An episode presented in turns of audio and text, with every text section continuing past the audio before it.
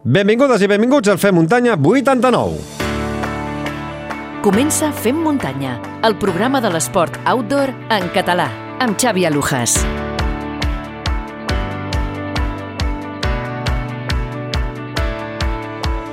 Com va tot, Fem Muntanyeros i Fem Muntanyeres? Benvinguts al Fem Muntanya, el podcast dels esports outdoor i en català. Comencem ara mateix aquest programa número 89. Una edició que dedicarem a un esportista que potser heu començat a sentir a parlar d'ell i que de ben segur que ho continuarà fent properament.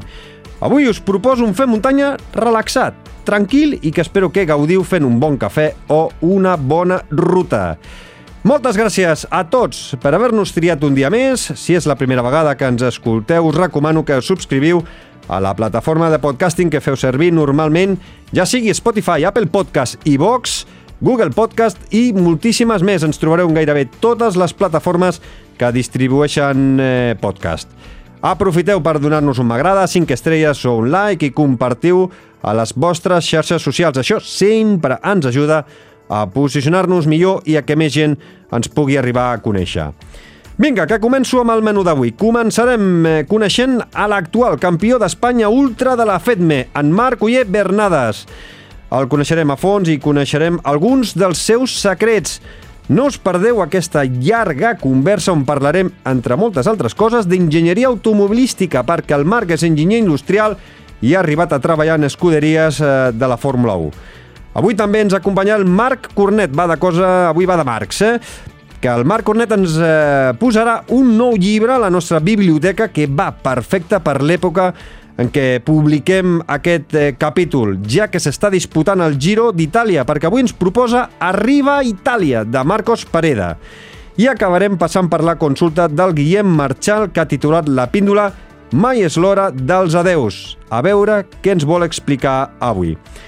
I abans de saludar el Marc Uller, deixeu-me que aprofiti aquests segons per demanar-vos la vostra col·laboració.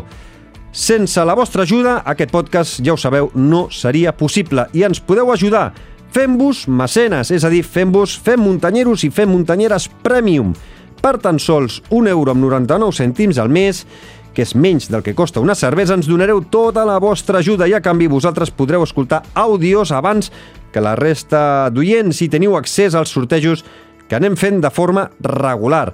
Per cert, tots els mecenes podreu escoltar ben aviat una secció inèdita amb la Gés Bonet, la nostra entrenadora, que encara no ha sonat en el podcast, sobre com millorant les baixades. La resta d'oients us haureu d'esperar uns quants dies per escoltar-la. Si voleu escoltar aquesta secció i tot el contingut exclusiu, ja sabeu el que heu de fer. L'enllaç per fer-vos mecenes el teniu a les notes de tots els capítols. I també ens ajudareu si compreu o regaleu una camisa tècnica Flying Burrito. Espectaculars! A l'hora de comprar una camisa feu servir el codi FEM Muntanya 10 a la seva botiga online i tindreu un 10% de descompte. I la darrera forma d'ajudar-nos és adquirint un nou dispositiu de la casa Coros, la casa americana. Si feu servir el codi FM Coros, vosaltres tindreu un bon avantatge en la vostra compra. Per cada adquisició, nosaltres rebrem petites comissions. Cèntim a cèntim ens ajuda a continuar el programa endavant. Tots els enllaços també els teniu a les notes d'aquest capítol. I acabo recordant-vos les vies de contacte. Ja ho sabeu, la primera és la nostra gran comunitat Fem Muntanyera a Telegram, també ens trobareu a Twitter i a Instagram com arroba femmuntanya. Teniu la nostra web femmuntanya.cat i el nostre correu electrònic femmuntanya arroba femmuntanya.cat. I ara sí, que ja ho tenim tot a punt, així que ens lliguem les sabatilles i sortim, com sempre, a Fem Muntanya! Fem Muntanya, l'esport outdoor en català.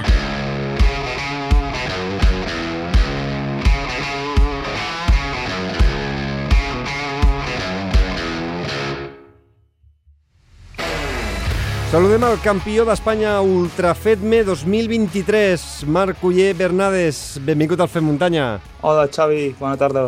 Gràcies per uh, aquesta presència aquí i per convidar-me. No, gràcies a tu per, per acceptar-la. Eh, vam parlar amb tu ara fa poquet, quan vas guanyar la Trencacims, vam prometre doncs, eh, més minuts, eh, perquè tenim moltes eh, ganes de xerrar amb tu de moltes coses i sobretot, sobretot, una miqueta és que la gent eh, conegui qui és el Marc Uller, perquè jo crec que si ara ja els que anem seguint eh, l'actualitat del trail, doncs ja fa temps eh, que, que veiem el teu nom al, a dalt de les millors curses, però clar, jo crec que ara ja has fet el top, eh, has, ets campió d'Espanya Ultra Fetme i, i anem de parlar amb tu, perquè a vegades busques per Google o busques diferents podcasts i costa de, de, de trobar alguna entrevista interessant que no sigui d'actualitat eh, amb tu. I avui és eh, un bon dia.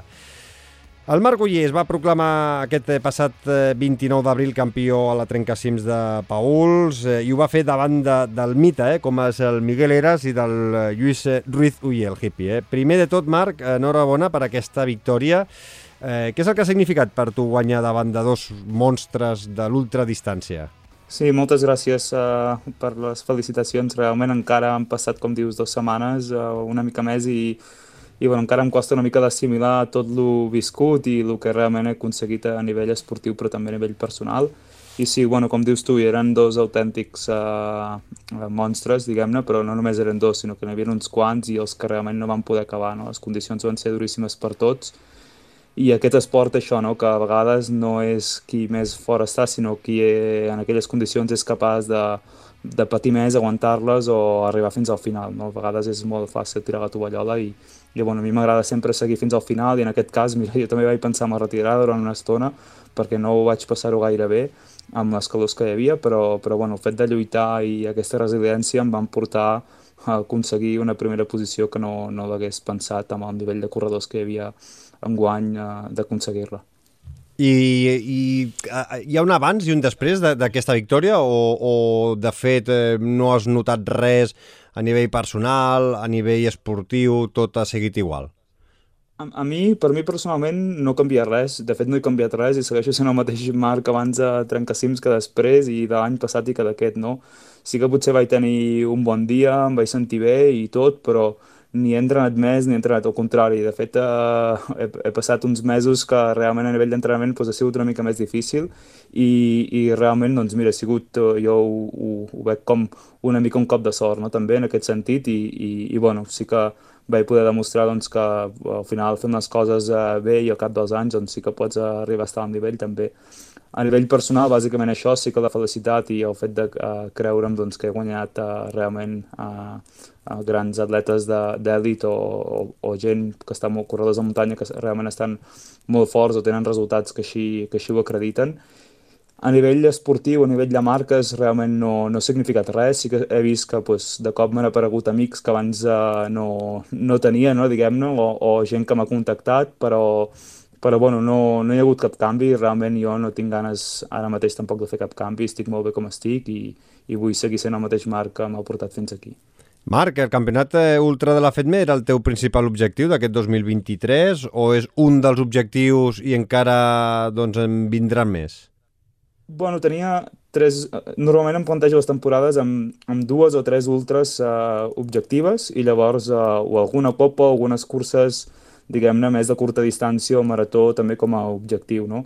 Aquest any m'havia plantejat com a objectiu fer Transgran Canària, era el primer cop que la feia, era el primer cop a la vida que feia una ultra al febrer, normalment estic uns tres mesos literalment sense córrer, i aquest any el fet de ficar una ultra tan aviat també em significa un canvi en la planificació, començar a córrer més progressivament per arribar al febrer amb garanties, i llavors, bueno, sí que tenia aquí Trencacims, l'organització, el Carlos, el Nando i companyia, fa molts anys que volen que faci la ultra, bueno, la 50 que feien abans i ara des que fem la 75, però bueno, per mi també seguia sent molt aviat i tenia altres curses i sempre els deia que no, i bueno, aquest any al ser campionat d'Espanya em van insistir i tot, i bueno, finalment uh, vaig acabar, acabar cedint, tot i que un dels objectius que tenia ara a aquestes èpoques era la Transvolcània. Llavors, el fet de dir que sí a Trencacims pues, em significava que la Transvolcània, òbviament, es veia, es veia en un segon pla, no?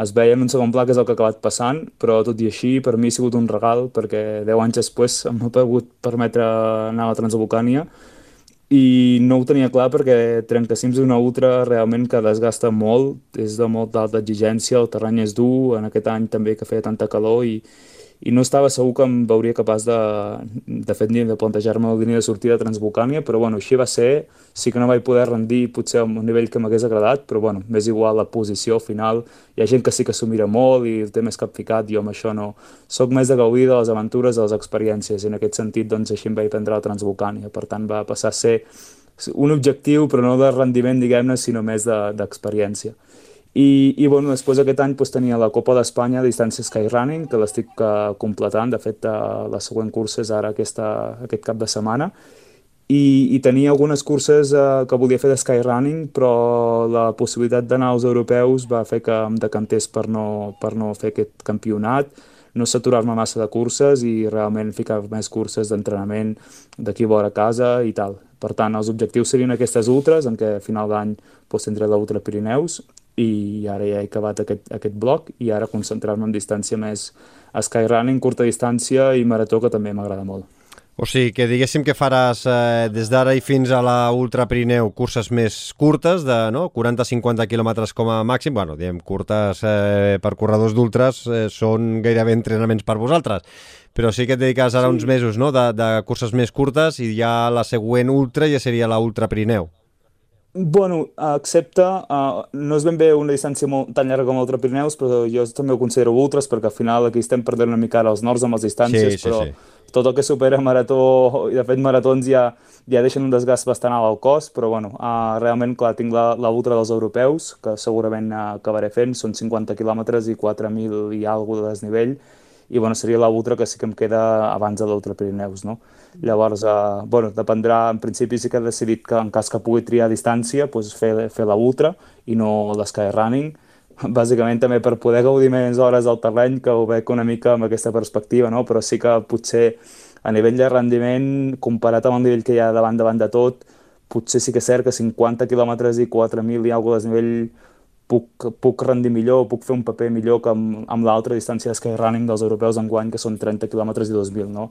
Amb els dos terrenys em sento molt còmode, amb les dues distàncies em sento molt còmode, però bueno, per ara tinc la plaça assegurada amb, amb la ultra, per tant, ja he decidit concentrar-me concentrar en, aquesta, en aquesta distància. Per tant, sí que seria aquest un objectiu que, òbviament, a començament de temporada no el tenia, el vaig començar a tenir quan vaig ficar-me líder de la Copa d'Espanya i, i bueno, uh, realment ara pues, acabo tenint la plaça per ultra, que sí que és una cosa que no, que no m'esperava, i doncs treballaré per això també. Eh, Marc, eh, com veus que, per exemple, a Espanya, sobretot eh, estic pensant a la gent doncs, que o no està molt ficada en federacions o, o, o, o inclús a vegades a mi pers personalment, eh, veig notícies, eh, llegeixo cròniques i no sé eh, si el guanyador eh, de què és, de què és campió. Perquè, clar, eh, tu ets campió de, de la distància ultra per la Federació del FEDME, però, per exemple, també hi ha el guanyador, eh, o sigui, per la RFA, eh, Aritz Egea, que va ser campió de, també d'aquesta distància, de distància ultra, el passat 8 d'abril eh, del 2023 al Paso. Clar, llavors diguéssim que hi han dos campions a Espanya, eh, l'Aritz i tu. Com, com, com ho veus, això, des del teu punt de realment, vista? Realment, bueno, tinc la mateixa dubtes com tu, no? Sí que penso, i realment és la meva filosofia, també pel background que vinc, no? Jo soc una persona que vinc de la muntanya, diguem-ne, vinc de, de les xiruques, de fer excursions, llarguíssimes rutes, canals, cims, crestes, de tot, no? I, i fent tot el tipus d'esports de muntanya que, que, que hi ha pràcticament, i, i per mi les federacions de muntanya són les que haurien de regnar aquest esport però bueno, òbviament té cabuda a tothom i sí que és uh, un esport que també es pot equiparar amb l'atletisme, de fet és uh, la majoria de gent que està venint ara doncs és gent més que ve d'aquest background i el que sí que la Federació de Muntanya ho té les coses més clares, no? hi ha tres modalitats, diguem-ne, quilòmetre vertical, skyrunning i ultra, i aquí queda molt, molt definit, no? Uh, jo vaig anar al Campionat d'Espanya de, de Skyrunning, que va ser a Rute, de la FEDME, el d'Ultras, que va ser trencacims, i a finals d'any el de quilòmetre vertical. A l'altra federació sí que em perdo perquè gairebé que cada cap de setmana hi ha campions eh, d'Espanya, no? Si hi ha trail corto, clàssic, per equipos, per seleccions, uh, long distance... T'explota el cap, eh? Directament, també... directament t'explota el cap. ja no sí, saps, bueno, no saps, no saps sí, quin, no, no, no, realment no, no entenc perquè igual que hi ha aquestes tres modalitats, no? Veig que cada, cada dia pues, uh, pues hi, ha, hi ha curses diferents i tot. Òbviament, t'ho dic des de la ignorància perquè tampoc m'ho he ficat a mirar perquè ha prou feines tinc amb la meva feina i tot, i amb una federació en tinc prou, i en aquest cas, de moment, eh, segueixo uh, fidel a, a, als ideals, no? Però, però sí que és cert que bueno, uh, també estan fent les coses bé, sembla, tant una federació com l'altra, aquí sí que no em vull mullar i, i, i tal. Només hi ha aquesta desconeixença que, sí, que, pues, que sembla que l'altra federació de l'atletisme pues, et tria fer separar encara més el, potser el, el per seleccions, individual, per equips, no? I, i aquí en, en la FEDME i en la FEC es fa tot el mateix dia, el mateix campionat no? d'aquella modalitat. i bueno, a partir d'aquí doncs no sé què més dir-te, la veritat, però això no. és el que, el que penso. No, no, està, escolta, és la teva, la teva opinió, per això t'ho he preguntat, i que és que, clar, la gent que no estem avasats, o la, hi ha molta gent que veu cròniques, no?, I, o veu per xarxes socials, doncs eh, Marc Uller, campió ultra fetme, i, i clar, també pot haver vist, evidentment, doncs eh, Aritz Egea un mes abans, o 3-4 setmanes abans, doncs eh, campió ultra a través de la Federació RFA, no? És a dir, que sí, diguéssim que a Espanya sí que hi ha dos campions. Que... Correcte, però el que sí que sembla que hi ha una cosa que s'està diferenciant bastant, si tu compares, eh, en aquest cas, la, la que ells en diuen long distance i, i la ultra de la Fetme, eh, si tu mires el tipus d'ultres que hi havia una i l'altra, eh, crec que aquest any, com deies, era el Reventon, que era més o menys cap uh mhm. -huh. terreny de la Transvolcània, és un terreny totalment atlètic en què la tecnicitat és pràcticament nula, i bueno, trencacims, tothom que hagi estat per uh, el Parc Natural dels Ports saben el, el pa que s'hi dona no? en aquell tipus de, de terres i sobretot el pa que s'hi dona en particular en el circuit de, de trencacims, que no és que sigui exageradament molt tècnic, però és un terreny que, que, bueno, i que hi haurà gent que no s'hi sentirà còmode i els quilòmetres realment no passen tan, tan fluids com uh, una Transvolcània, per exemple. Per tot el I que... això sí que és un tret diferencial doncs, que sembla que està anant cap a, cap a aquest, un vessant més muntanyenc i un altre vessant més uh, circuits més, uh, més, molt més corribles, molt més uh, fàcils tècnicament i, i bueno, això sí que és, sembla que s'està instaurant aquest, aquesta mena de, d'estereotip de, entre una i l'altra, tot i que aquí hi ha hagut campionats de Catalunya en la mateixa cursa, el cas particular de Berga Rasos, que s'ha arribat a fer amb les dues federacions, no? per tant aquí és el mateix recorregut, feta per una, feta per l'altra, aquí ja no hi ha diferències de tecnicitat, no és literalment el mateix eh, circuit.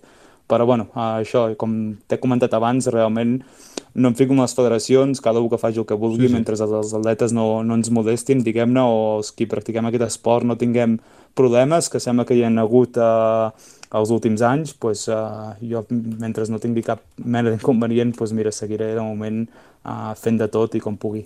Uh, Marc, eh, per tot el que expliques, eh, què ets? Eh, més un corredor més eh, de terreny molt més tècnic, amb pujades i baixades tècniques, eh, terrenys més, diríem, més lents, o, o, o t'agraden les ultres de, de córrer? És a dir, eh, et captivaria, t'agradaria córrer una ultra als Estats Units d'aquestes que són de 22 hores i corres les 22 hores non-stop? Sí, bueno, realment m'agrada tot, no? A mi m'agrada el contacte amb la muntanya i tot. Sí que si he de triar, pues, prefereixo fer rutes d'alta muntanya i rutes com Déu mana, més que anar a seguir cintes ràpid en un circuit, uh, perquè sí, no? que a vegades també amb loops una mica, una mica raros. Això no vol dir que, que no m'agradi, no? Per exemple, vaig estar mirant l'any passat que vaig als Estats Units a poder fer la Western i m'agradaria, per exemple, poder-la fer. És una cursa totalment, com, com bé dius tu, d'aquest uh, estil que no m'agrada gaire, però són d'aquest tipus de curses o que dius, ostres, m'agradaria... Ara que dius això de la western, no? És a dir, ets més de western sí. o de hard rock? Jo seria més de hard rock, si he de triar prefereixo curses més uh, muntanyeres, no? Però en aquest cas la vaig mirar la western perquè als Estats Units és molt gran i d'allà a Califòrnia, Silicon Valley on estava, pues, eh, és la que em quedava una mica més a prop, però que, que la hard rock pues, ja, ja he d'agafar un avió, no? I, i sí que és cert doncs, que, que m'agradaria provar-ne alguna d'elles, però, però bueno, perfils com per exemple el Penyagolosa o Trencacims, doncs, si he de triar, això sí que ho tinc clar, no? No vol dir que no faci mai Penyagolosa o que no faci mai la Transvolcània, per exemple, no? però, però sí que m'agrada provar-ho tot com t'he dit abans, però òbviament el meu background és més de, de muntanyes on m'hi sento gust i, i, i realment doncs, doncs aquí és on, on acostumo a tirar. Eh, Marc, ara parlaves, per exemple, que hi ha cada cop més atletes que venen de l'atletisme per córrer a la muntanya. Clar, eh, mm, cada vegada hi ha més eh, corredors de muntanya que toquen la pista per entrenar. Tu en quin equip estàs? Vens de la muntanya, ets de la muntanya i no toques la pista? Eh, baixes a tocar la pista per entrenar doncs, una mica de qualitat i una mica de xispa, una mica de velocitat? Eh, ja, ja, ja, no et pregunto si ets de, no, et pre, no et pregunto si ets de l'equip de l'atletisme i, vas, i has passat a la muntanya perquè has deixat, has deixat clar que, que vens de, del muntanyisme, vens de les xiruques, vens d'estar de, hores i hores a la muntanya amb la família i amb els amics, però toques eh, de forma habitual la, la pista d'atletisme? La veritat és que no. Mira, de fet, en aquest any i potser en els últims mesos he tocat la pista d'atletisme dues vegades que van ser per uns testos d'un projecte d'investigació que s'està fent aquí a Font Romeu. Llavors, eh, realment, a part d'això, eh, no he tocat més la pista. Això no vol dir que no, que no faci treball a velocitat, però no sóc tan obsessionat en els ritmes ni tal, sinó que si trobo, prefereixo a vegades trobar un circuit uh, d'una volta més llarga, per molt que tinguin curves més tancades o canvis de desnivell, però el que consideraríem parlant clar, pla, tot i que no ho sigui, i si la sèrie els he de fer a 3.30 en vez de 3.20 o el que sigui, doncs, eh, m'és absolutament igual. No? Al final vaig a treballar la intensitat, la velocitat i per mi ja prefereixo donar voltes en un circuit de 2 quilòmetres que no pas en un de 400 metres. I, i bueno, realment doncs, doncs aquesta és una mica la mentalitat que tinc. I si sobretot aquest circuit el puc trobar a la muntanya o, o vora algun llac o vora alguna mena de contacte amb la natura més, més alegre, doncs, eh, doncs ho faig, no? Però sí que la pista d'atletisme sí que l'he trepitjat alguns cops, però, però us podria comptar potser amb, amb dues mans els cops que, que la meva vida he estat a una pista d'atletisme entrenant en sèrio. Mira, ara que parlaves d'entrenament, mira, parlem d'aquesta faceta que m'agrada molt i crec que molts oients també estaran interessats. Eh, quins valors eh, t'hi fixes? Eh, a l'hora d'entrenar, de, és a dir, mires ritmes, mires eh, freqüència cardíaca, eh, mires eh, potència, eh, desnivells, velocitat de... És a dir, quins valors, eh, amb quins valors et quedes a l'hora de, bueno, sobretot, de, de planificar els entrenaments? I la intensitat, diguem-ne, a mesura de freqüència cardíaca i les hores, no? que és quan controlo una mica els treballs que toquen, no? també per no passar-me, sobretot en les tirades llargues, pues, si fer molt treball, fer molt treball de base, que poca gent li dona importància les zones d'intensitat molt baixes, zona 1, zona 2, doncs, doncs realment doncs, a vegades sense voler vas a la muntanya i amb una simple pujada, depèn de la intensitat que vagis, ràpidament, no? vas d'en pulsacions uh, una mica més altes, doncs sí que és una manera aquest treball més d'intensitat baixes i més polaritzat que sí que ho, ho intento controlar bastant. Llavors uh, sí que intento anar bastant amb el pulsòmetre quan, quan puc i, i controlar una mica la intensitat a, a base de la freqüència cardíaca. Un dia que parlàvem tu i jo en privat, eh, em deies que, ostres, eh, et sobta, no? Bueno, et, em, va sobtar, va sobtar a mi, eh, que, que eh, hi ha molts corredors d'ultra, la majoria de corredors d'ultra que li dediquen molts quilòmetres a la setmana i que tu en fas ben, ben, ben pocs. Vull dir que és una miqueta, no?, un bitxo raro que no li dediques molts quilòmetres per eh, competir a un alt nivell eh, a l'hora de fer ultras. Com, com ho fas? Eh, que, que, realment... quin, quin procés eh, d'entrenament fas servir una miqueta per no haver de dedicar 100, 100 i pico quilòmetres a la setmana o 150 quilòmetres a la setmana i dedicar-li 50-60 quilòmetres a la setmana? Sí, realment això em sorprèn perquè ja no és que no vulguis, que bàsicament tampoc podria potser fer-los a tema d'hores, no? Però que inclús si tingués aquestes hores per fer-los, no sé si el meu cos, i mira que fa molts anys que, que corro i que vaig per la muntanya i, i faig moltes coses, no sé si me'ls aguantaria gaire setmanes el córrer i sobretot córrer per muntanya és un esport molt agressiu i, i fer aquestes quilometrades tan seguides no sé fins a quin punt són sanes, no? diguem-ne. Uh, sí que, òbviament, respecto el tipus d'entrenament de cadascú i que cadascú faci el que vulgui, però a vegades prefereixo una més a passet de formiga al cap de molts anys i si arribes amunt quedar-t'hi molt temps que no pas a vegades pues, fer pujades molt brusques, però tan ràpid com puges també baixes, no? I, i bueno, jo tinc una, una filosofia molt clara, no?, que al final de salut només en tenim una i aquest esport el faig perquè m'agrada i no per cap obligació, ni per cap resultat, ni per competir, no? És una mica... És, és aquesta diferència entre competir per viure o viure per competir, no? En aquest cas, faig curses perquè és com un al·licient més i és un batre's a, a un mateix més que anar a guanyar una cursa. Si vas a una cursa i hi han 10 Kilians, doncs no pots guanyar, no? Quedaràs com a molt a l'11. Llavors, uh, si vas a una cursa i no hi va ningú, doncs, uh, guanyaràs. I ja no es tracta de la posició, no? Al final es tracta d'una mica l'experiència, la gent que coneixeràs, la ruta que faràs, uh, quina muntanya pujaràs, quin, quins corriols, quins senders, quines crestes faràs, no? Una mica no, tot, aquest, tot aquest camí que recorres uh, per preparar-te, per fer-ho, per uh, ficar-te tu mateix a prova. Uh, és com ho havia dit alguna vegada, amb una altra vegades no, no guanya el primer, no? sinó que guanyen tots. Guanyen tots els que acaben perquè tots es viuen al seu límit un recorregut exigent, un recorregut que poca gent al món el pot arribar a fer, no? I, i, i, i tant mèrit té el primer com a l'últim. De fet, inclús a vegades el mèrit el té més a l'últim perquè és el que més hores ha estat en el seu límit, no? I, i bueno, és una mica això. Jo sí que, per exemple, abans de trencar cims, quan estava en plena càrrega, realment només corria dos dies per setmana i en dos dies per setmana doncs, puc arribar a fer com a molt, molt, molt 40 quilòmetres. I, I, i què fas si- la resta de dies i la resta d'hores? És a dir, practiques altres La esports? resta de dies doncs, faig bicicleta, faig molt treball de força, faig treball de prevenció i a l'hivern eh, esquiu també. I, I sí que és cert que si faig alguna cursa o cap de setmana així més d'entrenament, doncs és el tercer dia no? que corro la setmana, llavors doncs, me'n sortien tres. En cas de que fes alguna cursa de preparació, alguna marató que he fet, per exemple, per preparar trencacims i tot, doncs llavors em sortien tre, tres dies a la setmana de córrer i aquells dies doncs, sí que dels 40 quilòmetres podien passar a 80 o a 60, depenent si feia una mitja, una marató i tal.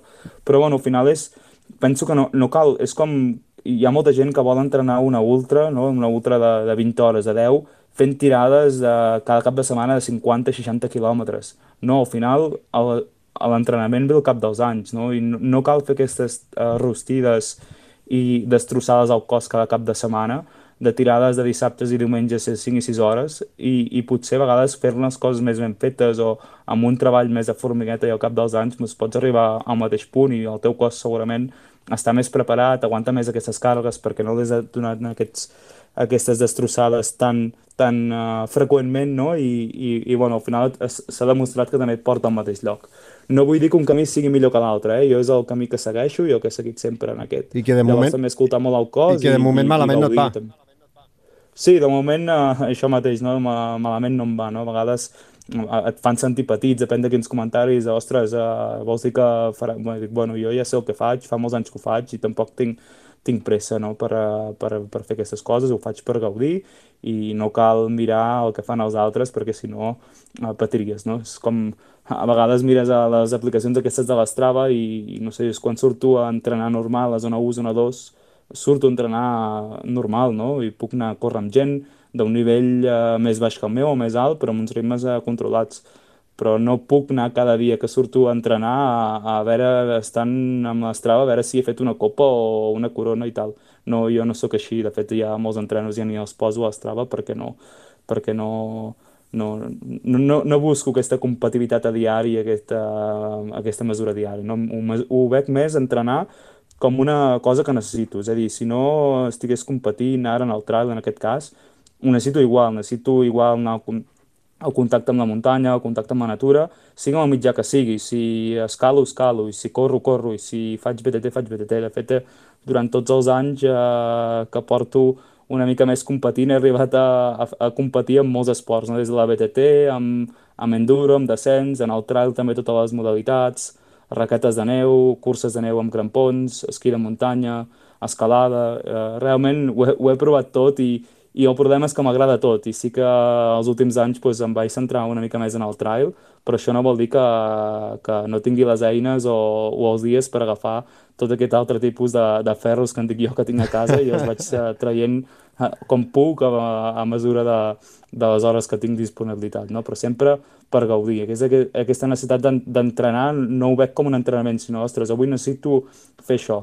Llavors el problema que hi ha, que sí que és cert que si ens fiquem en un punt de competició, tinc el, el problema contrari, no? que a vegades el cap de setmana que potser tinc més hores que he treballat molt a la setmana i dic, va, avui voldria fer aquesta ruta i em penso una ruta pel cap, de pujar aquest cim, aquesta canal, baixar per aquí, aquella cresta, tal, i dic, ostres, Marc, no, no puc fer això perquè si la setmana que ve o d'aquí un mes he de fer la cursa tal, no m'ho puc permetre. I sí que és l'únic hàndicap que, que a vegades dic, ostres, ara m'agradaria fer aquesta ruta més llarga i no la puc fer perquè m'he de controlar, pues, mm, per dir alguna no passar-me de 4 hores de, de, de córrer o caminar o digue-li com vulguis, o de 5 hores en BTT no puc fer tants corriols perquè pues, m'he de limitar una mica les hores per arribar una mica descansat en objectiu o no passar-me de sobreentrenament.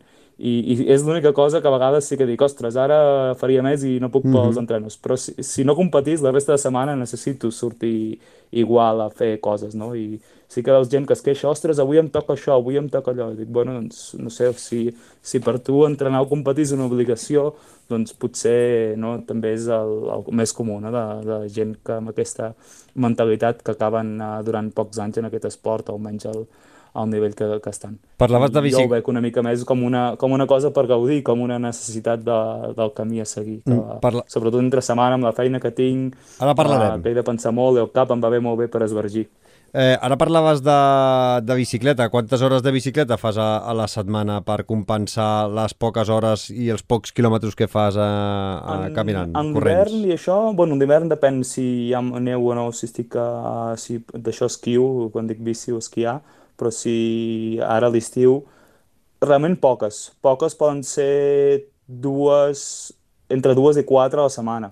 El que sí que durant l'hivern en faig més, òbviament, quan faig la pretemporada i faig més el treball de base. Ara, en període més competitiu, realment faig poc. Uh, faig això, doncs, aquests dos dies de córrer que, que com a molt acostumo a fer aquests 40 quilòmetres, si és que arribo, i en bicicleta doncs, potser a vegades només és algun dia per recuperar una mica, que sí que és, dic, ostres, ara faria 3 hores, no? BTT un cop hi soc, i dic, aniria a fer aquest corriol, baixar per aquí i per allà, i dic, no, avui toca doncs, 45 minuts a zona 1 només per recuperar una mica i només per moure les cames, o jo que tinc una feina bastant estàtica, a vegades és més un entrenament, no com a entrenament, sinó com a tenir un dia més actiu que, que no passar-me al davant de l'ordinador treballant i, i traient fum. I, i llavors pues, aquí és, és el que faig, però realment canvia molt també no? en el moment de la temporada, òbviament, i ara en període competitiu doncs realment uh, molt poc. Mm -hmm. En períodes més de càrrega pues, poden arribar a 4 6 hores de bicicleta, però, però no més. I sempre sí que sí faig jo, és que només faig bicicleta de muntanya, no, no faig carretera. Mm. Carretera és una modalitat de la bicicleta que sí que és que per entrenament i a nivell de cardio i tot va molt bé, uh, és segurament molt més eficient, però prefereixo no estar tan ben entrenat i estar més fluix i disfrutar absolutament de cada pedalada que faig que, i, que, i que realment em passi molt ràpid a l'estona que vaig en bicicleta. I la carretera se'm fa una mica més feixuga i sí que és bonic pujar i baixar ports, però no sé, m'agrada molt a mi baixar per corriols en bici i tot i és un al·licient massa, massa fort i bueno, prefereixo això, entrenar amb, amb BTT per la muntanya que, que amb la bici de carretera. És un plaer escoltar-te, eh, amb aquesta il·lusió, amb aquesta passió amb la, amb la que parles i gaudeixes de, de l'esport, que jo crec que a vegades és, és, és la base, perquè si no gaudim fent esport, el que dius, eh, eh, en pocs anys doncs ens cremem i, i ho deixem estar i ens dediquem a altres coses que potser o fem altres esports o potser deixem de practicar esports en general, Sí, que això és el pitjor que també ens pot sobretot passar. en el, en el trail, que és un esport que està bastant en auge en els últims anys, sí que s'ha vist tot aquest boom, que cada cop més gent i, i també, òbviament, cada cop el, el nivell és més alt i curses que abans es guanyaven, doncs ara ja no es guanyen, no? És a dir, has d'anar a fer el rècord de la cursa gairebé cada any eh, que passa perquè no és suficient el nivell que hi havia abans.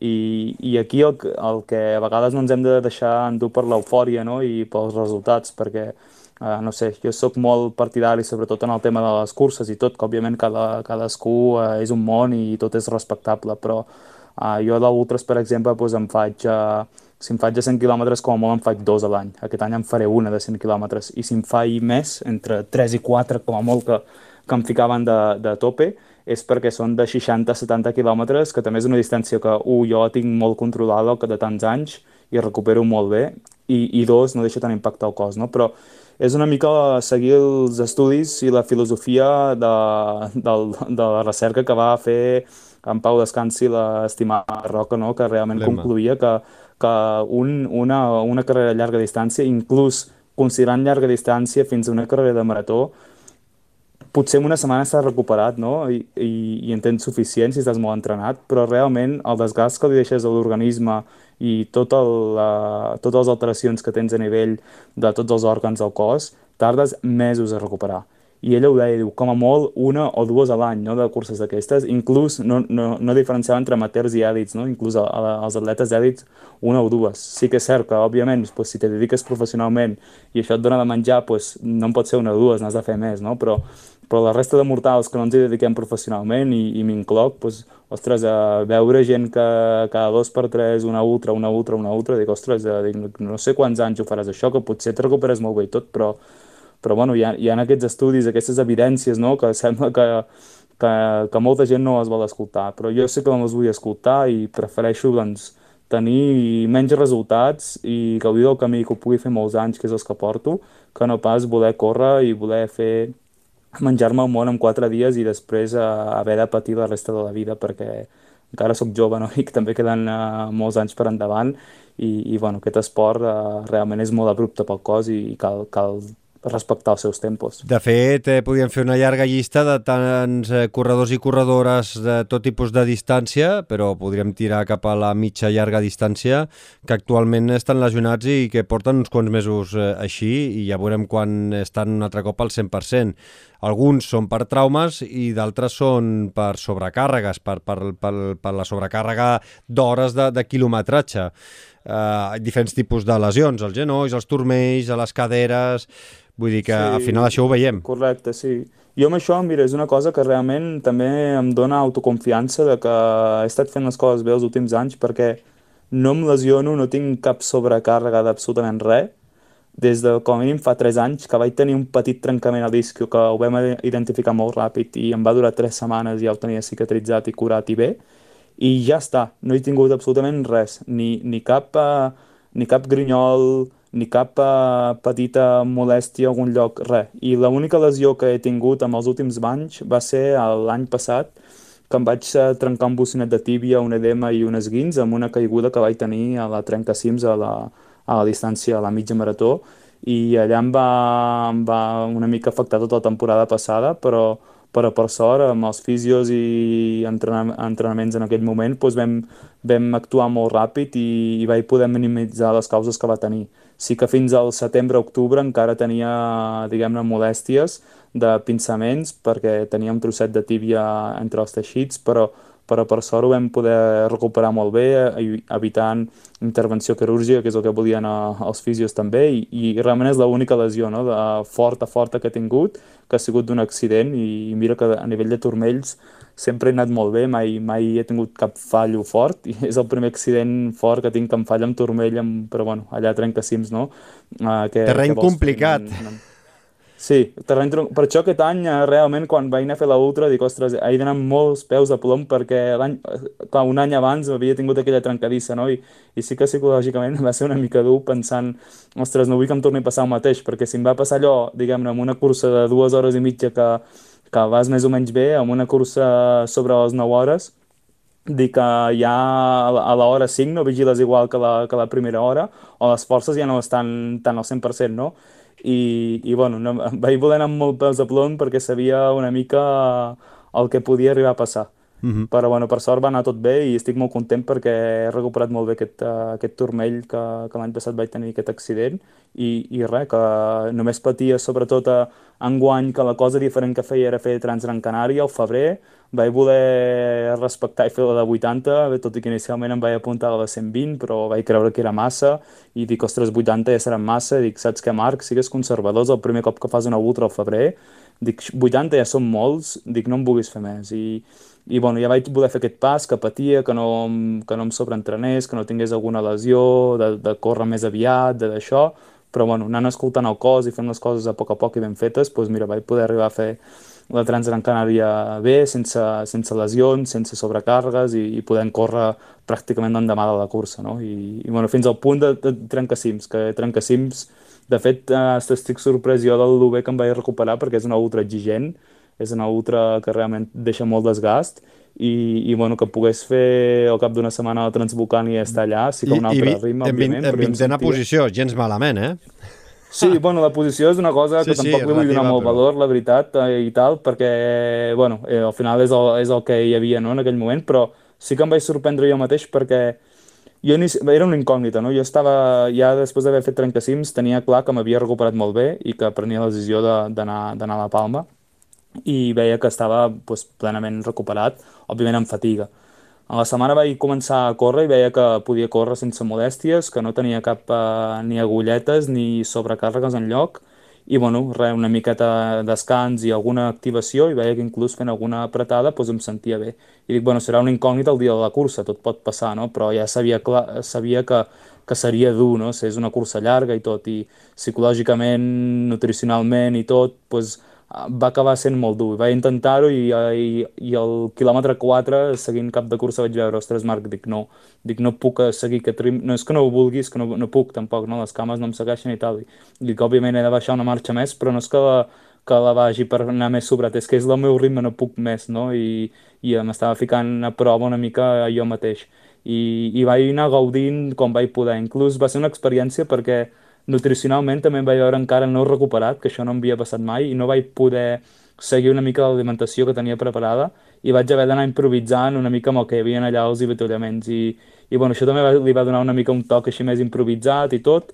Inicialment no tenia clar inclús que l'acabaria perquè se m'estava fent molt llarg i, i, i bueno, m'ho estava passant una mica malament.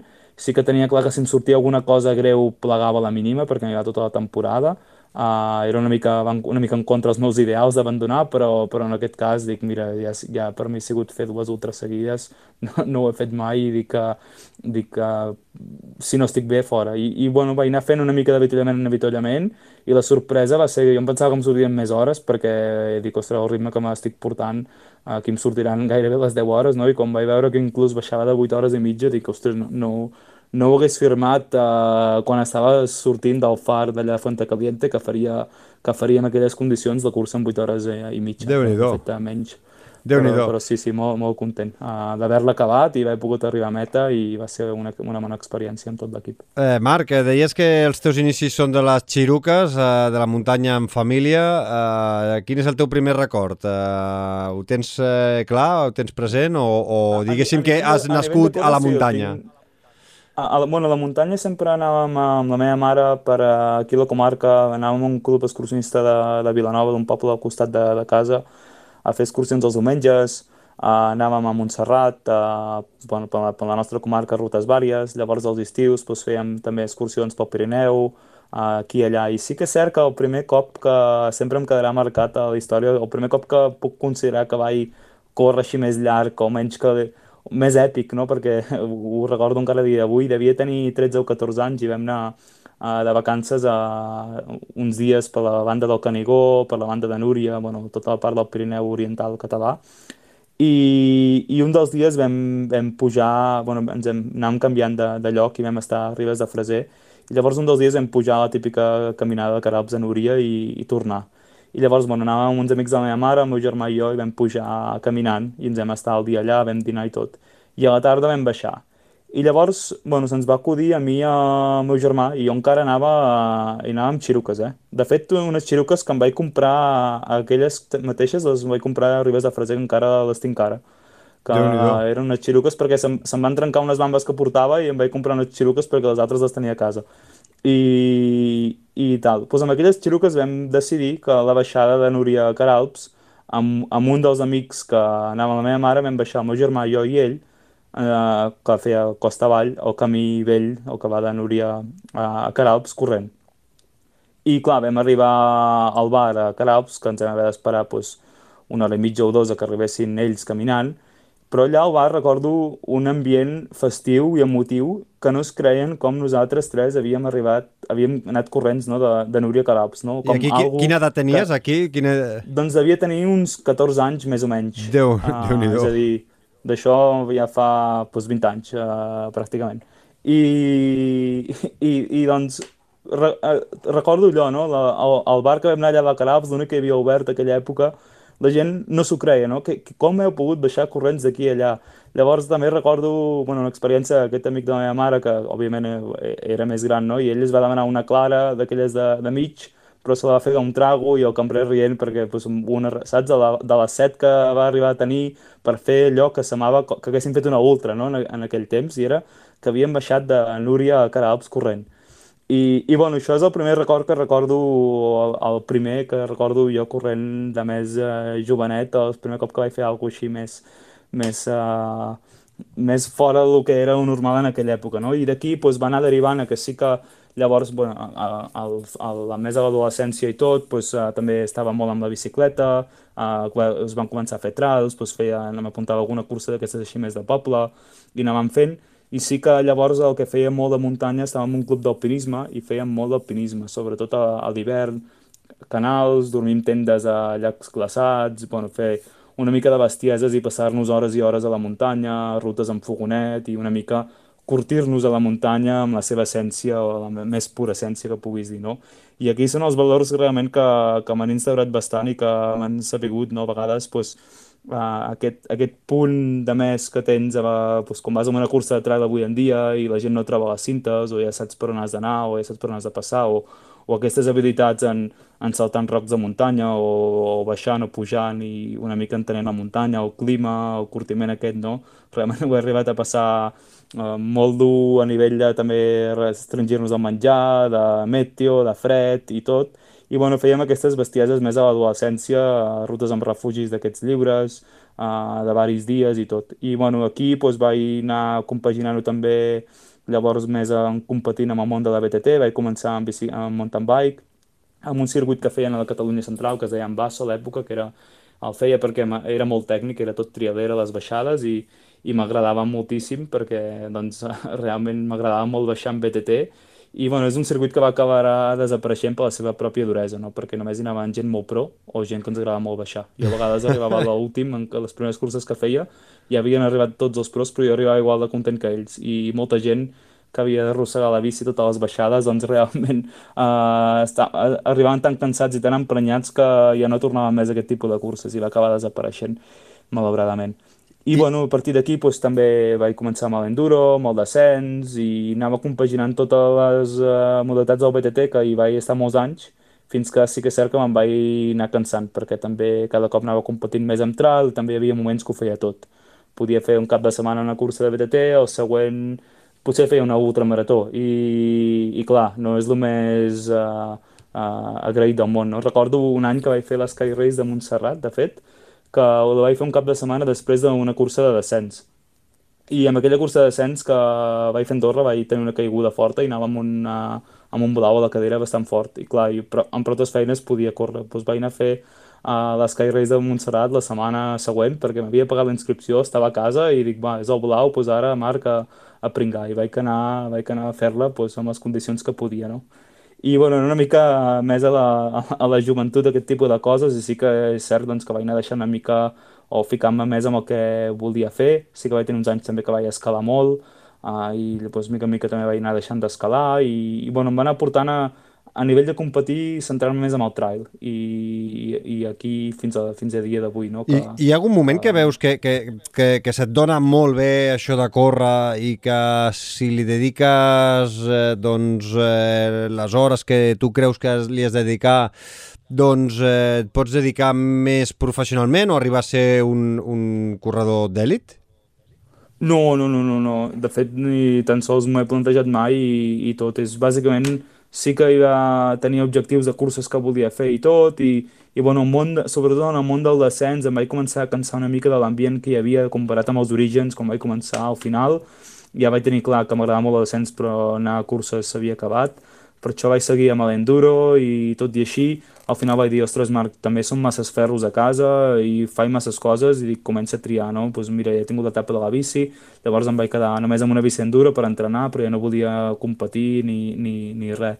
Uh, L'escalada igual i tot, i sí que pues, vaig tenir quan anava fent trail cada cop més vaig dir, pues, mira, ara faré aquesta ultra i quan vaig, la vaig fer, pues ara, ostres, m'agradaria fer aquesta, no? Va ser un any inclús pues, que el 2014 que vaig anar a fer la Transvolcània per primer cop amb un amic de la universitat i, i bueno, va ser aquests objectius, doncs anàvem ficant objectius de dir, i si fem aquesta cursa i aquesta, i ens preparàvem una mica, de fet era l'excusa de preparar-nos a l'estiu corrent, perquè quan arribava l'hivern podíem anar a fer aquestes rutes infernals per la muntanya, més de caminar, més d'alpinisme, i, i és allò que ja no, no era arribar al cim i baixar i, i amb, la, amb la llengua a fora perquè de lo cansat que estava, sinó que l'estat de forma era, era alt, suficientment alt com per dis, eh, disfrutar i poder fer les rutes encara més dures, més exigents, poder fer encara més, no? I, i estar-nos més hores, eh, no només fer aquell cim, sinó baixar per aquella canal, pujar al cim per la canal de darrere, i bueno, fèiem unes rutes eh, més llargues, no? I era l'excusa d'anar seguint eh, el córrer, doncs ens manteníem molt en forma d'estiu per quan arribava l'hivern doncs,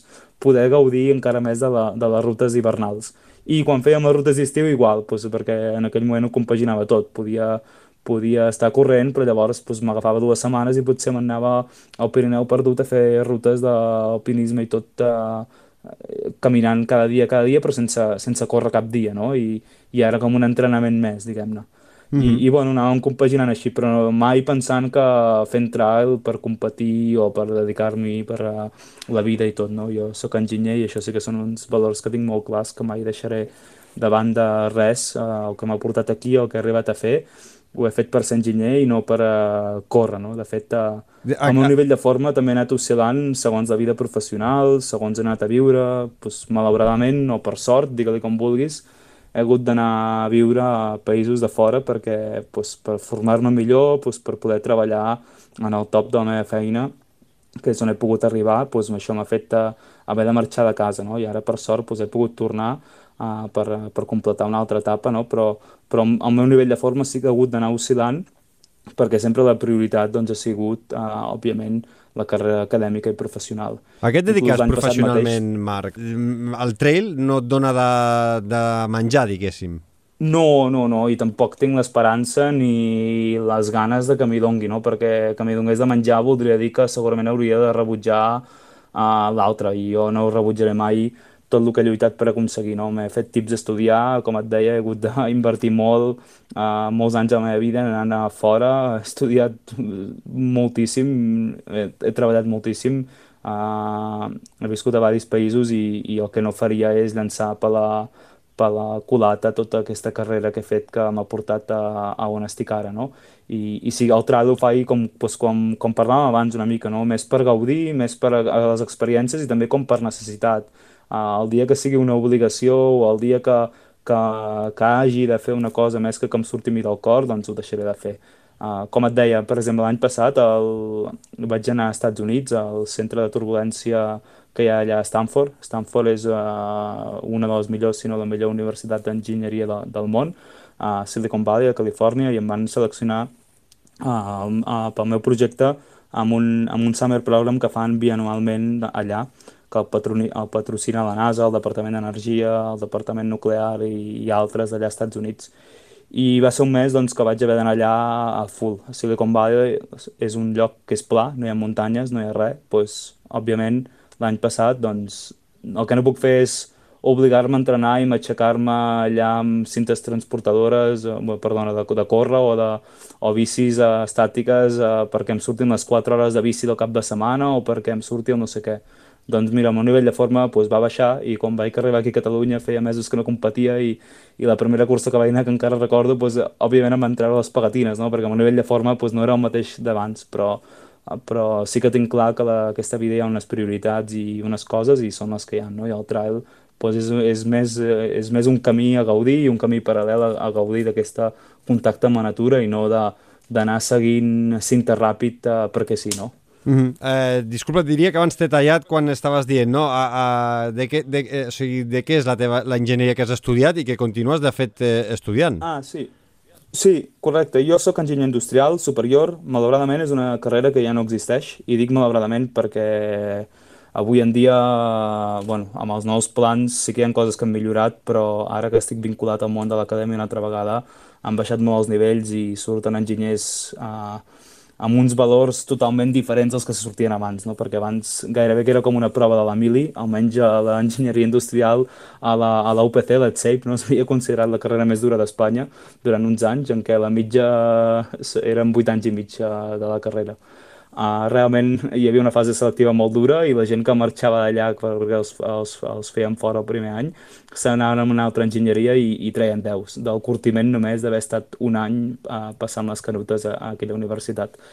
No dic això com una cosa positiva, no? però sí que té uns altres valors i a nivell d'espavilar i a nivell de tota la base matemàtica i tot, no ho he vist a cap altra universitat que he estat, uh, ni inclús ara mateix amb el nou pla que han fet. He estudiat a quatre universitats diferents, i, i, i d'elles potser de les més emblemàtiques que hi ha a Europa, no? com a Oxford o, o a Chalmers University a Suècia i, i realment el nivell que hi havia a l'ETSAPE aquí era molt alt i es nota avui en dia també doncs, que, que el nivell quan vas a empreses punteres, ja siguin els llocs que he treballat jo com a la Fórmula 1 o ara mateix al món de la investigació, la gent que ve de l'època de l'ETSAPE d'aquí o inclús a la Politècnica de Madrid, que també està a un nivell semblant en les seves èpoques i la gent de la Politècnica de, de Milano i de Turín d'Itàlia estan a un nivell molt superior a, a la resta en, en aquest sentit.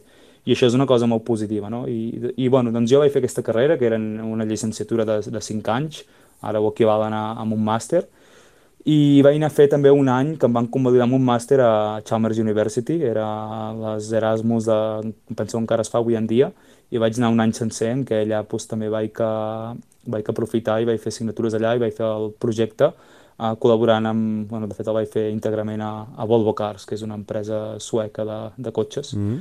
I, I, bueno, aquí he treballat 11 anys a la indústria, en què, sobretot en el món de l'automoció i en el món de la motoresport, des d'empreses aquí a Catalunya com Idiada fins a la Fórmula E o finalment la meva última feina que va ser enginyer de Vehicle Dynamics a, a la Fórmula 1. A Anglaterra vaig estar en una escuderia i actualment estic, bueno, entremig vaig estudiar un altre màster a Oxford, uh, vaig fer un màster d'enginyeria de motoresport en què és, bueno, és, era més específic la dinàmica de vehicle, aerodinàmica i tot aplicada més a, a la competició.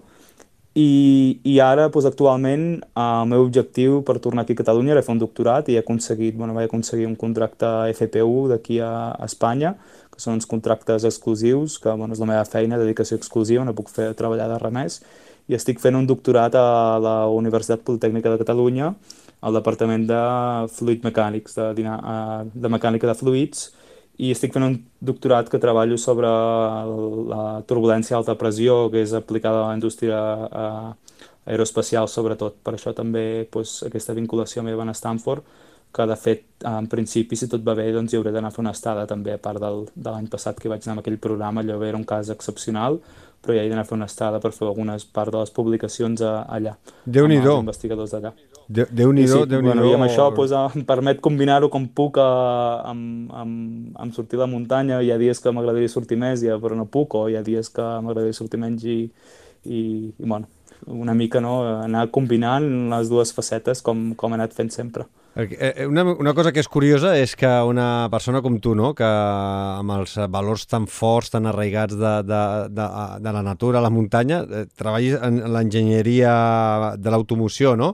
Eh, T'agradaria poder doncs, treballar en algun vehicle realment 100% elèctric, efectiu, barat, que a tothom doncs, eh, li costi menys un vehicle elèctric eh, poder-se'l comprar per tenir-lo tenir a casa i que, i que sigui més barat que, que un vehicle de, de combustió? És a dir, és possible, t'agradaria dedicar-t'hi? Mira, Xavi, dic, ara, ara et deixaré una mica, una mica a, a fred, perquè la resposta és que ja ho he fet, això. Home! He treballat a la Fórmula E, vaig treballar dos anys a la Fórmula E, són vehicles totalment elèctrics. És la tecnologia puntera sí. en el món de l'electricitat i, i bueno, no ho hauria de dir aquí, no? però sempre que a casa algun familiar em pregunta, cotxe elèctric, avui en dia tot, tot això és una, és, són uns interessos polítics i econòmics a darrere brutals. L'enginyeria no està preparada i la indústria tampoc per anar amb una tecnologia elèctrica avui en dia a casa, no? perquè ens venen que són cotxes verds. Pues a la Fórmula E, perquè et facis una idea, i aquí ho faig com una contrapartida també per l'audiència que puguin imaginar una mica el que significa, no? perquè sí que endolles el cotxe a l'electricitat i sembla que no es contamini. Pues a la Fórmula E és molt bonic perquè estan els cotxes a la pista i no fan ciroll, només sents els pneumàtics i la caixa de canvis. Bueno, ara, ara ja n'hi importen, és a dir, només sents els pneumàtics i els, i, i els motors. I, I a darrere del box fa molta gràcia perquè hi han, uh, cada equip té entre un i dos generadors que farien potser igual de grans que el remolc d'un tràiler, pràcticament, i, i bueno, doncs van cremant gasoil i van carregant generadors. Per... I això és la Fórmula E, no? De portes en fora no fa ciroll i de portes enrere doncs, tens, uns, uh, tens unes xumaneies que treuen fum perquè cremen gasoil. Llavors, si això em dius que és sostenible, mig t'ho compro, mig no, no? Jo diria que és igual de sostenible que, que alguna altra tecnologia o inclús pitjor perquè hi ha més canvis d'energia. I en cada canvi d'energia que fas perds eficiència, no? I en aquest sentit, eh, pues és, és això i és el que ens fan creure. Avui en dia, per mi, personalment, poc he vist i poc he treballat. També vaig treballar l'automoció en els primers moments en què es començaven a fer els primers cotxes elèctrics al mercat, el Nissan Leaf, el, el, el IAP i, bueno, i companyia, el, el BMW, també aquell petit, el i3, uh, realment no està preparada avui en dia encara per fer-ho. Uh mhm. -huh. Sí que compro la tecnologia híbrida i això és el que ha estat explorant la Fórmula 1, de, de fet, des del 2014 De fet, la Fórmula 1 la gent la, la critica per contaminar molt, però la Fórmula 1 és, diguem-ne, el laboratori de la, dels cotxes que tenim avui en dia a, a tots, no? I no només això, sinó de moltes altres aplicacions que no us podeu arribar a imaginar. No farem ara un podcast de, de motor, però sí, sí. que és interessant, perquè de, de fet, eh, quan, ara fa molts anys que no segueixo la Fórmula 1, però sí que recordo, eh, ja fa, el que deies tu, potser el 2014 o, o abans, eh, que hi havia, eh, que, que es deia, no?, de que recuperava energia amb la, amb la frenada, no?, portava unes bateries per recuperar energia en cada frenada i sí. poder-lo per tenir uns cavalls extras a l'hora d'accelerar.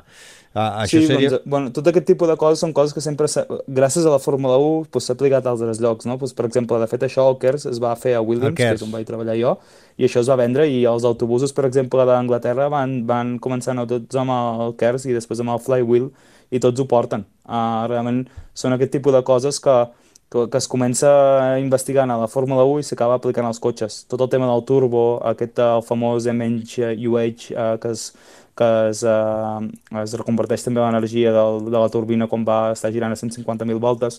Tot això, tot aquest tipus de tecnologies que es va fer allà doncs, eh, s'han aplicat a l'automoció i realment eh, com a la tecnologia de l'híbrid va començar la Fórmula 1 el 2014 quan es va fer el canvi de normativa de motor el qual tothom sap, bueno, Mercedes va ser el canvi, va ser el que va fer el millor motor i per això ha guanyat tants anys seguits sobretot a nivell de, de motor, també hi ha altres coses, òbviament, però a l'inici tothom que portava motor Mercedes van ser els que van clavar, no? Pues, era perquè hi havia aquesta nova tecnologia de l'híbrid, i és una tecnologia que ha sigut molt bona i molt profitosa per aplicar-la després en el, en el dia a dia i en els nostres cotxes que tenim tots a casa, no?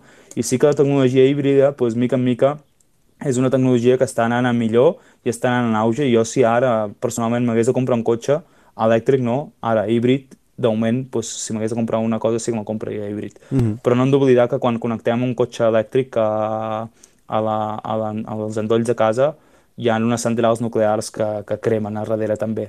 És a dir, no és una energia 100% verda com ens fan creure, sinó que hi ha altres coses. Una, aquesta. I dos, els residus que generen, que tenen una vida útil molt menor d'un cotxe de, de combustió. No? Llavors, per molt que passin els anys i tot, eh, al final el que s'ha demostrat és que avui en dia, per exemple, l'eficiència, el cotxe més eficient que hi ha al planeta és un Fórmula 1. Uh, òbviament gasta més uh, litres, però perquè també uh, va a unes altres velocitats o va amb unes altres càrregues aerodinàmiques, òbviament. Però, però és, el, és el cotxe, és, és el motor més eficient que hi ha, no? És un motor de combustió uh, híbrid amb, amb motor elèctric, també. Super interessant, eh? eh és, és, jo és recomano, motor... si, si, si hi ha algun, eh, algun oient que tingui algun podcast de, de tecnologia de motor, escolta, que, que truquin, perquè, sí, aquí, per, perquè és. Aquí ara ens estem desviant de, sí, no, no, però tema, al final, no? és, al final és molt interessant. d'un podcast de trail o dels valors uh, instal·lats en el trail i ara ens hem amb l'excusa que m'has preguntat de, d'això, però bueno, bàsicament... Xerrem de tot.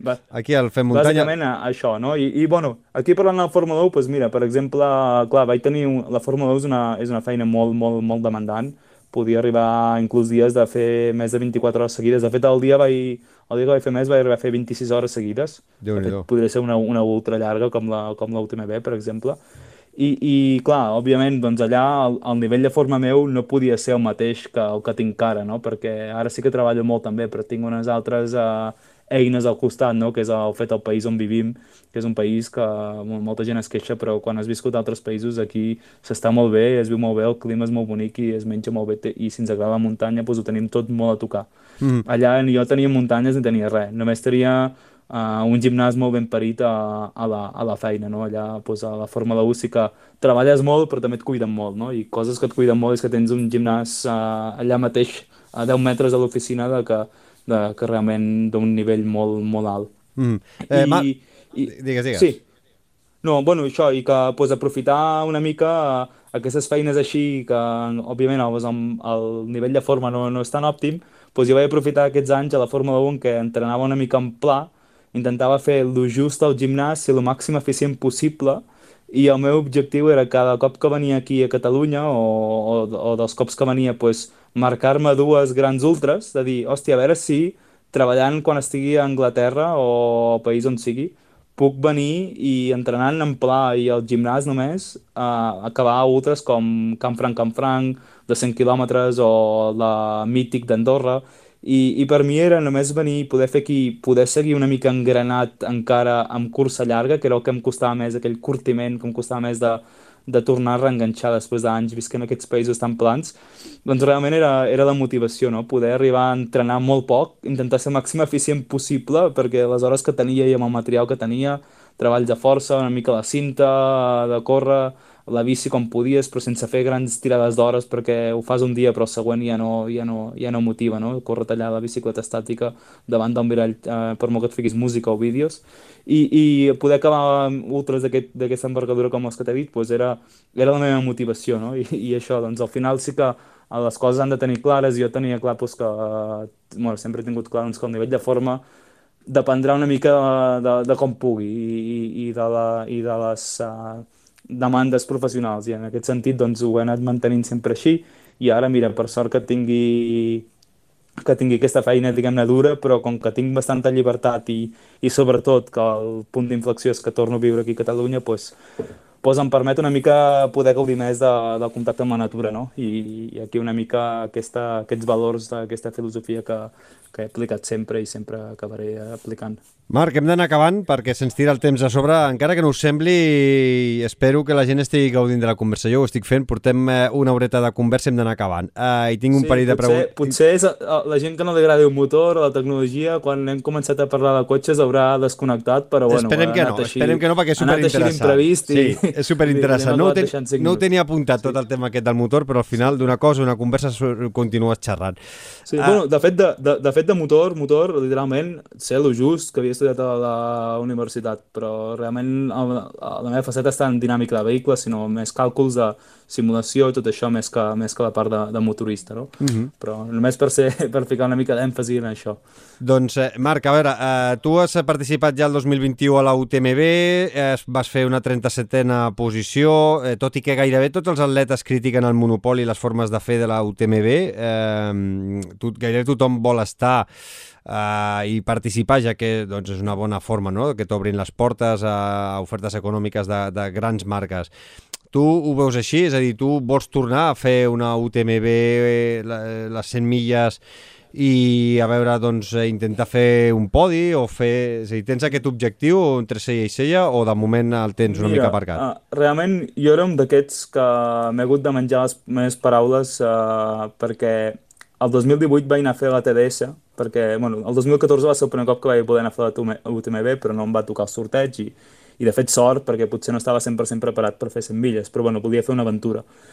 I llavors el 2018 doncs, vaig voler anar a fer la TDS, vam fer unes vacances als Alps i, i l'últim dia o el penúltim dia de les vacances, després de tres setmanes fent el nòmada per allà, doncs era fer la TDS. Òbviament, la TD, clar, al fer les vacances allà, la TDS no vaig anar en les millors condicions perquè vaig poder, vaig voler prioritzar anar a descobrir a tots els fons de les valls, cims i camins que podia. Llavors la TDS hi anava una mica rostit, diguem-ne, però, però bueno, va ser l'experiència i anava allà a fer-la. Fer I després de fer aquella cursa vaig dir, mai més torno aquí. Mai... Això va ser uh, la meva conclusió d'haver fet la TDS el 2018.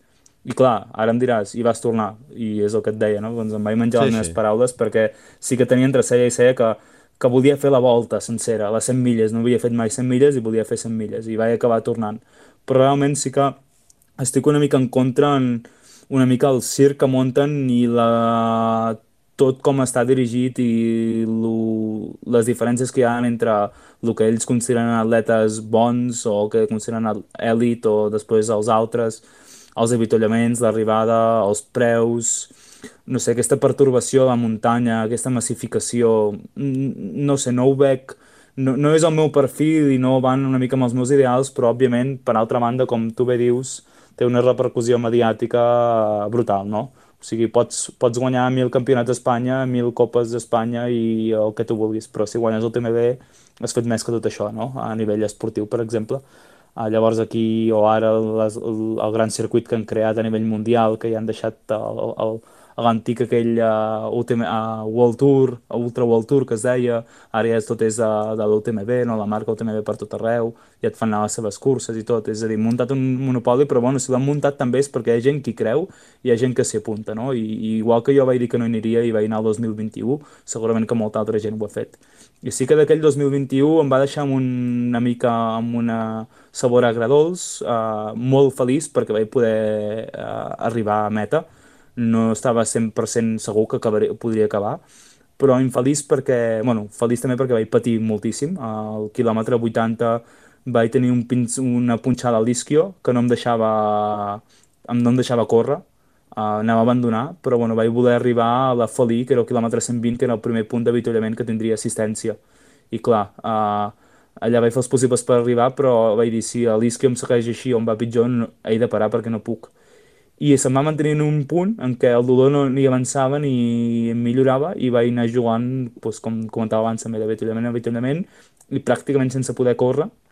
Se'm van marxar moltes hores del pla que volia fer, però bueno, vaig aconseguir supercontent perquè vaig patir moltíssim, moltíssim, perquè aquest isquio em va fer molt mal, que per sort no va derivar cap lesió, no sé què va passar aquell dia, que va dir prou i, i tal, i clar, vaig fer 90 quilòmetres amb l'isquio molt uh, fotut. Uh, jo crec que alguna altra persona amb aquell dolor uh, hagués abandonat segur. Jo vaig estar molt, molt, molt a punt.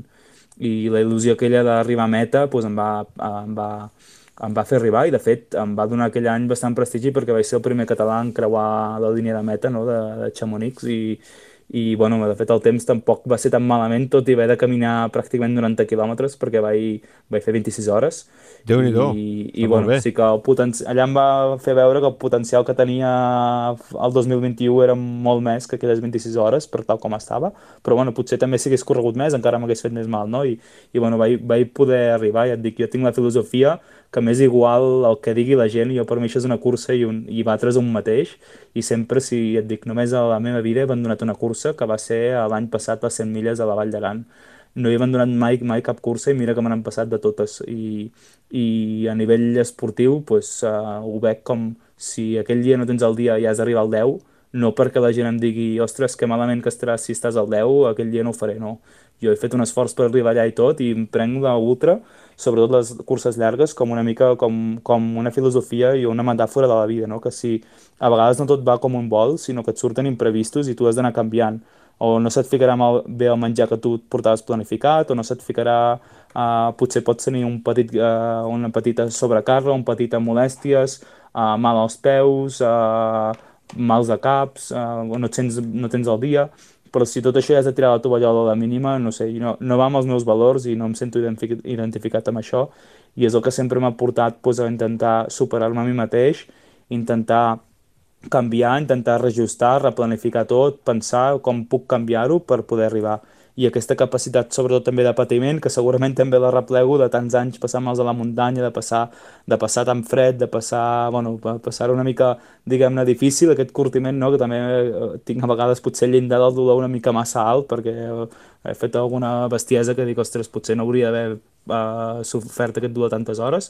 però bueno, aquell, aquell any doncs, vam, vam feia molta il·lusió, el meu objectiu era poder arribar allà a Chamonix i per mi eh, no sé si estava més content jo o, o qui va guanyar perquè realment pues, uh, poder, poder acabar d'aquelles maneres i en 26 hores estava molt satisfet. Llavors tens I ganes de tornar-hi menjar... tens ganes de tornar-hi sí, a baixar aquest pues, temps i pues, fer una uh, Mira, la veritat no? és que com, com, igual que vaig dir el 2018 no hi tornaré mai i vaig anar al 2021 i allà dic, mira Marc, ja està, somni complet, no? he, donat la, he donat la volta cap a casa, pues, uh, sí que és cert que pel meu cap i, i ronda això que dius, no? de, de vaig veure que el 2021, amb la preparació que ja tenia el 2021, hagués pogut, uh, hagués pogut fer una molt bona marca.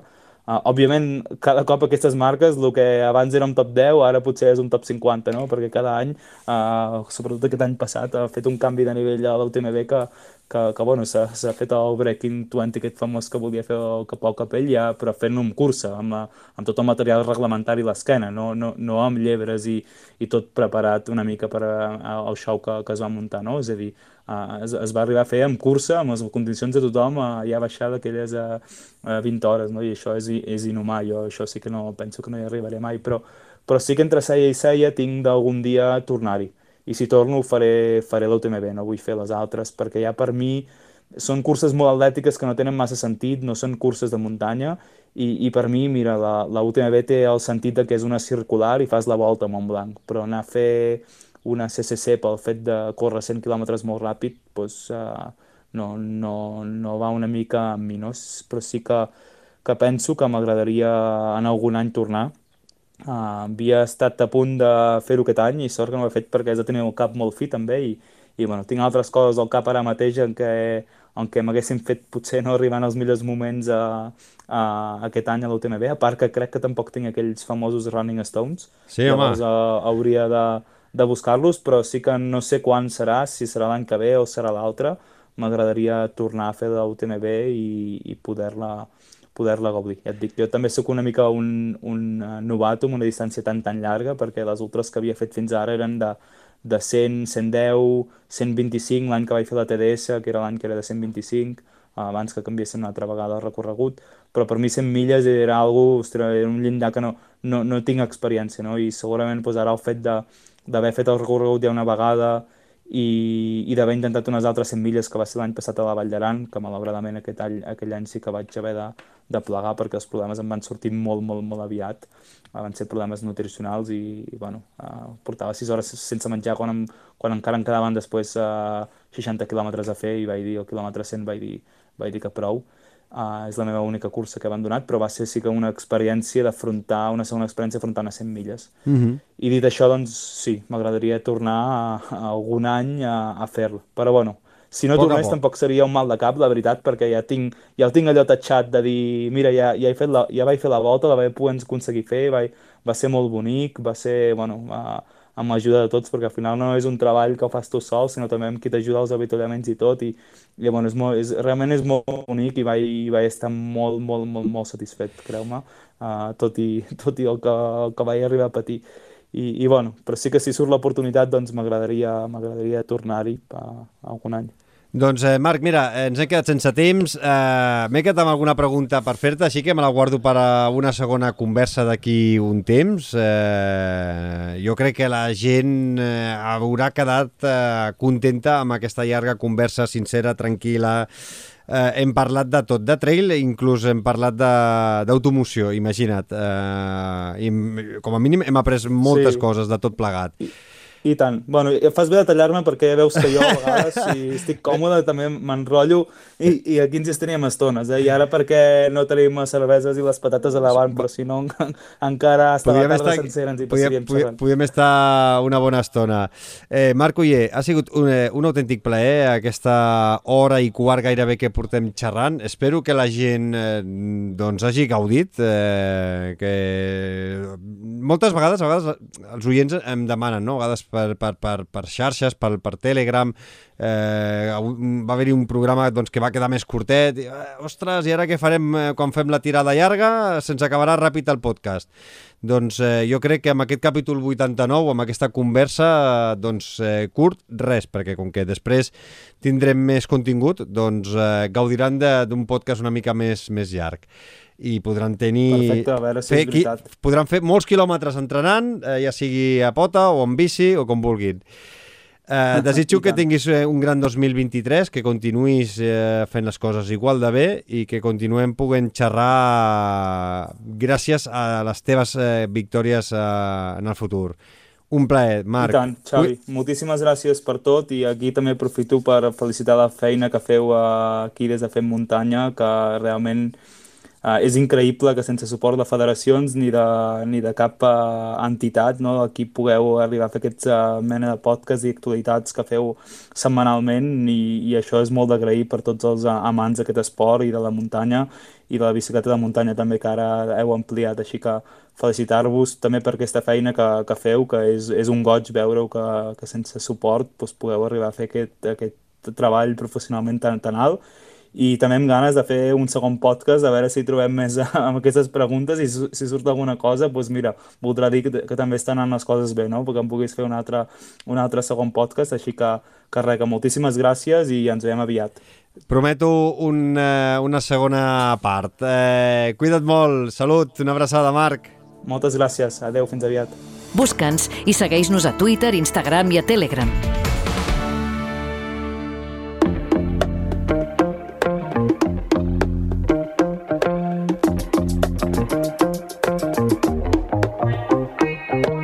Ha arribat el moment de deixar descansar una mica les cames i agafar un bon llibre. I com molt bé va definir el polític britànic Joseph Addison, la lectura és per la ment el que l'exercici és pel cos. allò del que hem eh, parlat tantes vegades al Fem Muntanya i que els clàssics van sintetitzar a la perfecció amb el Mens Sana Incorpore Sano. Marc Onet, bones! Quin llibre portes avui a dins les nostres motxilles? Bones, Xavi, com esteu? Bé, més ben dit, més que dins la motxilla, podria dir que avui em trec el llibre que fa ja número 26 del nostre muntanya de llibres i el trec de la butxaca del Mallot. Vinga, una pista, eh? Nona tappa del Giro d'Italia da Savignano sul Rubicone a Cesena Techno Gym Village al via Theo Gegenhardt eh, nel giorno del 92esimo compleanno della maglia rosa. Si el meu italià no em falla, diria que estem parlant del Giro d'Itàlia, veritat? Ecco, amico mio. Mira, sé que sempre parlem de muntanya, de córrer, de biografies de grans alpinistes, també de les gestes, no?, més històriques dels 8.000, però avui realment tenia ganes de canviar les sabatilles o les botes de muntanya per les dues rodes. Ja saps que sóc un gran aficionat també al ciclisme i aprofitant, doncs, que fa uns 10 dies que ha començat el Giro d'Itàlia, he cregut convenient recomanar-vos un llibre sobre aquest esport que a Itàlia, de fet, es viu amb especial intensitat de mans dels tifosi que omplen fins a rebentar carreteres, ho veiem any rere any, eh? com el Mortirolo, l'Estelvio, el Gàbia, la Marmolada o fins i tot els tres cims del Lavaredo. No? I això només citant alguns exemples dels mítics cims que té aquesta ronda, la Corsa Rossa, i que noms com Indurain, Merckx, Bunyo, Copi, Gino Bartali, Contador, o també el mític Marco Pantani van eixamplar la seva llegenda damunt de les seves rodes d'una bicicleta precisament en aquestes carreteres, no? Obro cometes, gaudeixo crear espai a la meva esquena, tanco cometes, que deia el mític Marco Pantani. I avui en dia podríem dir que vivim una etapa daurada del ciclisme mundial i en el cas del Giro actual, que és el que s'està disputant doncs, quan estem gravant aquesta secció, noms com Remco Evenepoel, Roglic, Geraint Thomas o Joe Almeida presumiblement són els que jugaran la victòria.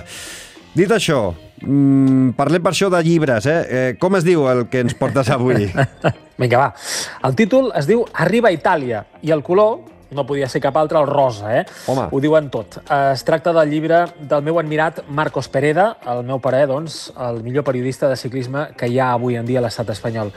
Les seves cròniques, per si no les heu llegit, podríem dir que són un gènere en si mateix i us convida a fer-ho, a llegir-les, sempre que pugueu, especialment, per exemple, aquests dies durant el Giro. No? Com us deia, avui us porto el seu Arriba a Itàlia, que està editat per l'editorial, segurament una de les que més m'agrada, juntament amb Desnivel, que és Libros de Ruta. I crec que amb el títol queda clar una mica eh, l'objectiu del llibre, Marc. Clar, no? Meridià, el següent, eh? perquè l'exemplar que us acosto avui, per cert, és una reedició actualitzada, publicada en aquest cas l'any 2021 i que, com dic, actualitza la primera edició, que va veure la llum doncs fa 8 anys, el 2015. Arriba a Itàlia, per això, no és només el Giro, que també és molt més, perquè de fet és la història d'un país que estima el ciclisme, Itàlia, amb una passió desbordant, i aquesta passió i aquesta història s'explica a partir de tres noms concrets, a partir de tres ciclistes concrets. I quins són aquests eh, tres ciclistes, Marc? Es tracta de tres ciclistes que, amb les seves gestes, doncs van fer que tot un país se sentís orgullós de ser italià, que s'unís en certa manera. No? I això tenint en compte doncs, la història feixista lligada a Mussolini d'Itàlia pot tenir diverses implicacions i també diverses variables. Es tracta de Gino Bartali, de Fiorenzo Magni i també del mític Fausto Coppi, amb les seves biografies, amb les seves cicatrius, també amb les seves llàgrimes, amb el seu esforç.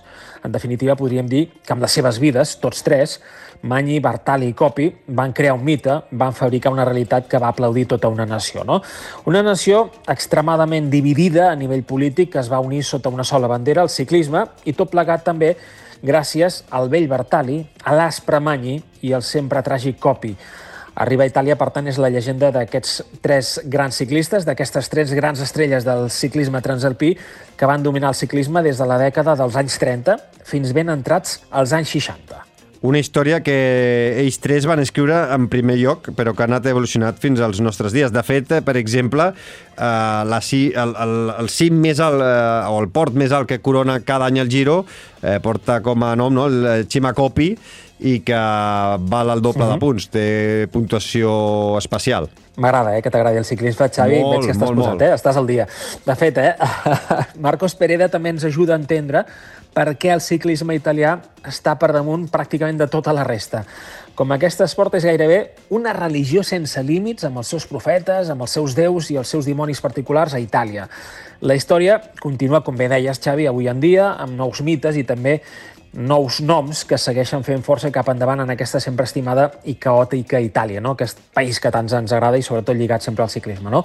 Entendrem, per tant, la importància del Giro d'Itàlia, que enguany celebra la seva edició ja número 106, des que va començar el 13 de maig de 1909 i ho va fer a Milà com es va consolidar també una identitat, una nova identitat nacional, la italiana, a través d'aquesta prova per etapes que és el Giro. I abans deixaves ben clara, Marc, la teva admiració pel gran Marcos Pereda. Què és el que la fa especial, aquesta narrativa seva?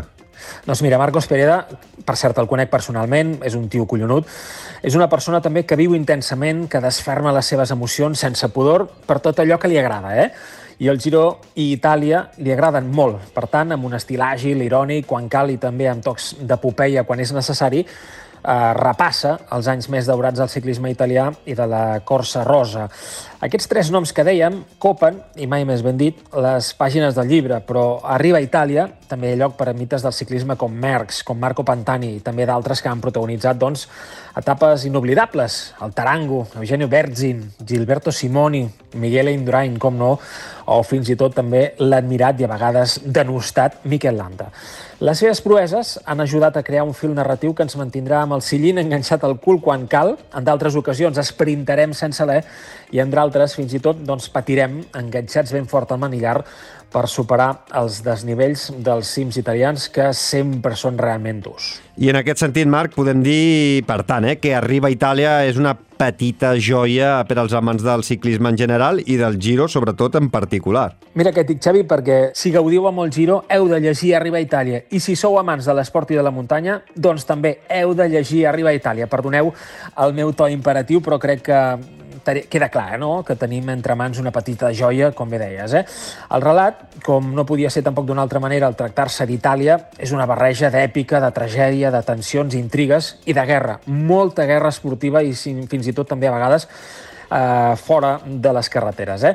Podríem afirmar que el llibre és la història d'un triumvirat, però també podríem dir que simbolitza com poques vegades s'ha fet la batalla al cara a cara entre dos dels millors ciclistes de tots els temps, del Fausto Coppi també de Gino Bartali.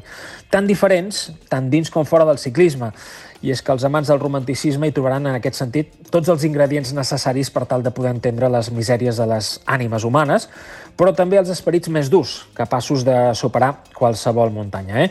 És la pura essència d'un ciclisme romàntic, dels mites i de les llegendes que es construeixen al seu voltant i que es van enfortint encara més amb el pas del temps.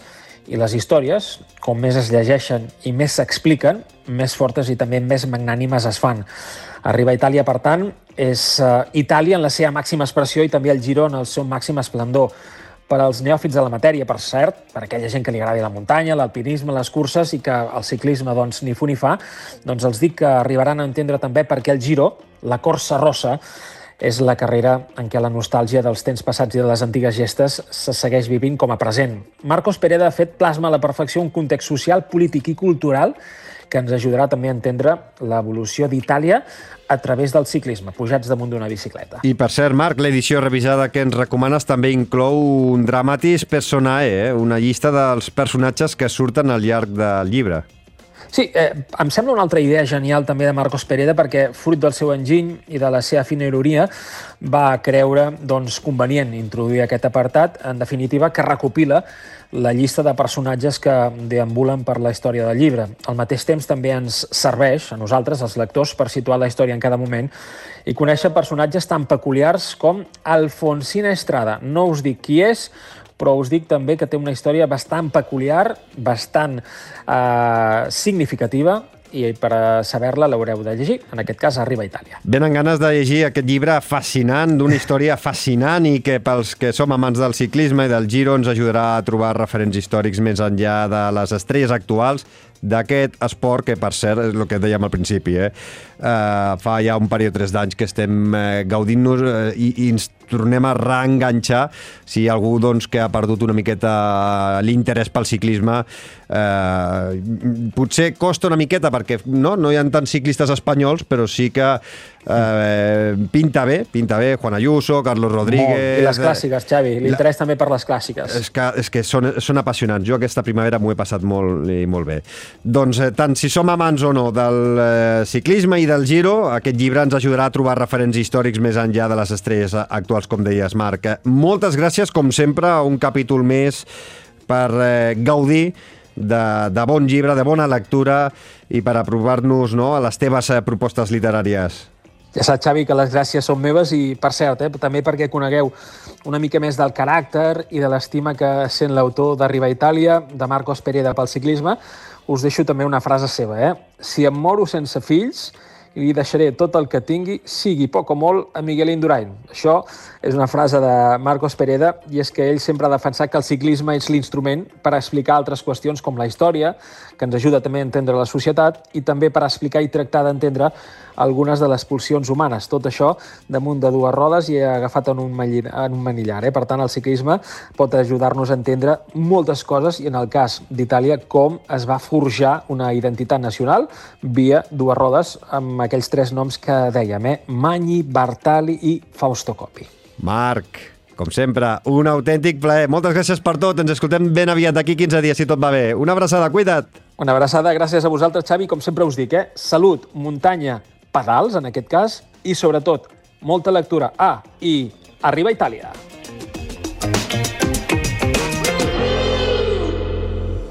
Envia'ns les teves opinions a través de Twitter, Instagram o del correu electrònic femmuntanya arroba femmuntanya.cat.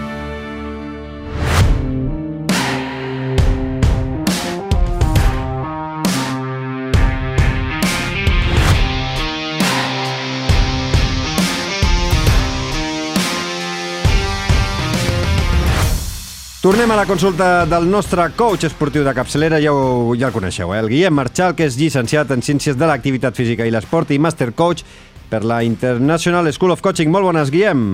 Molt bones, Xavi, família muntanyera. Què? Uh, vaig pensar molt uh, amb tu ara fa 15 dies quan vam parlar amb la Ragnar i amb l'Albert Jorquera sobre aquesta especial Marató de Sables. M'imagino que se't van posar una mica les uh, dents llargues, eh? No et pots eh, ni imaginar de quina manera. No, la veritat és que és, que és ben curiós com, com els humans arribem a tolerar el patiment, com arribem a minimitzar-lo i com de senzill ens és relativitzar-lo amb la perspectiva del temps. Fa un any t'estava dient que no em calia tornar a fer una bogeria com sables i en canvi la setmana passada sentia nostàlgia de fer-ho. Eh? Sí que és ben curiós, eh? I suposo que alguna cosa hi té a veure que amb el temps només recordes coses bones i el teu coco per eh, eh, supervivència vas borrant els eh, pitjors moments, els mals records records... Sí, bé, sobretot té a veure amb el balanç intern del cost-benefici que tenim cadascú de nosaltres atenent els nostres principis i valors. Quants dels nostres oients s'han dit més d'una vegada aquí no hi torno ni que em paguin? Bo, I al cap d'un any unes quantes vegades. a ser, no? I tornes a ser com un clau, no? no, no és un tema de credibilitat ni personalitat, és simplement que, que a poques hores d'acabar una cursa el cost és molt alt i el benefici com a molt l'iguala, mentre que amb més temps de distància el cost gairebé ja ha desaparegut perquè et trobes bé, entrenes amb normalitat, estàs recuperat del tot i el benefici, tot el positiu que t'ha portat passa a endur-se tot el pes de, de l'activitat. I, I avui que has titulat eh, aquesta píndola, aquesta secció, mai és l'hora dels adeus, eh, és que estàs pensant en deixar-nos o hem de buscar el, el finiquito? Eh, saps de sobres que no podria renunciar mai, mai, mai de la vida a la generosíssima nòmina que m'ofereix aquesta muntanya. bueno, bueno, ja en parlarem d'això, eh, cabron? no, ara seriosament. Després d'escoltar els dos últims programes amb, amb dos esportistes professionals veterans, em va venir al cap quan jo no trobava mai el moment oportú per posar fi a la meva carrera futbolística. Ara semblarà que els vull retirar, però que consti que no és així. Eh? eh? No, no ho penso ni ho vull. Però sí que escoltava reflexions molt madures de persones que notaven com l'esport del que viuen, a poc a poc, els va posant més dificultats a vèncer per davant. i creus que hi ha un moment per dir adeu? Doncs probablement en l'esport amateur no hi ha un moment clar, sinó que el que hi ha són petits comiats que es van acomiadant, mai millor dit, de cronos i quilòmetres a poc a poc.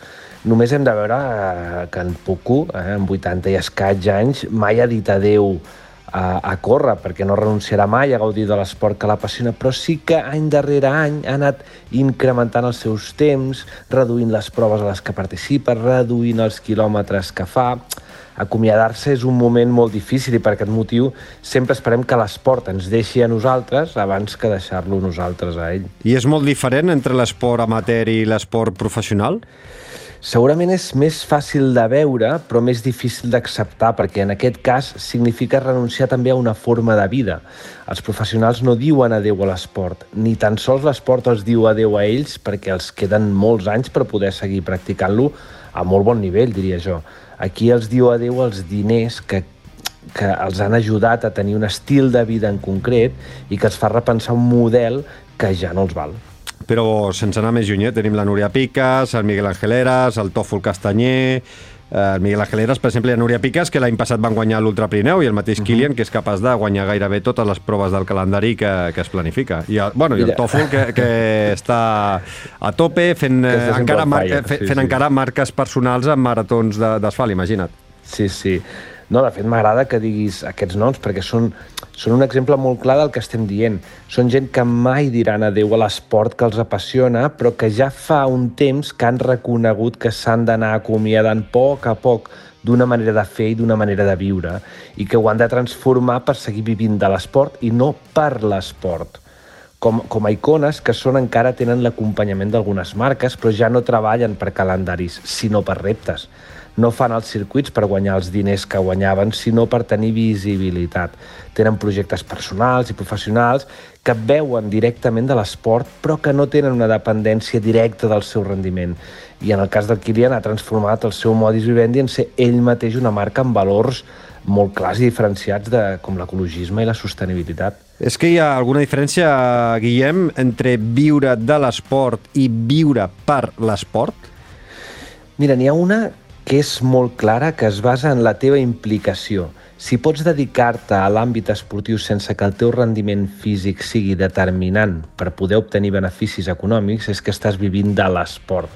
Si la teva implicació amb l'esport significa que més guanyes quan millor rendiment físic obtens, i això significa cuidar els descansos, l'alimentació, les recuperacions, etc etc, vol dir que vius per l'esport per tant, podràs viure de l'esport tota la teva vida, mentre que viure per l'esport serà un període acotat de temps que saps que comença amb una primera nòmina i no saps quan s'acaba i per això no volem que acabi mai. Per tant, quan no reps, has de dir adeu.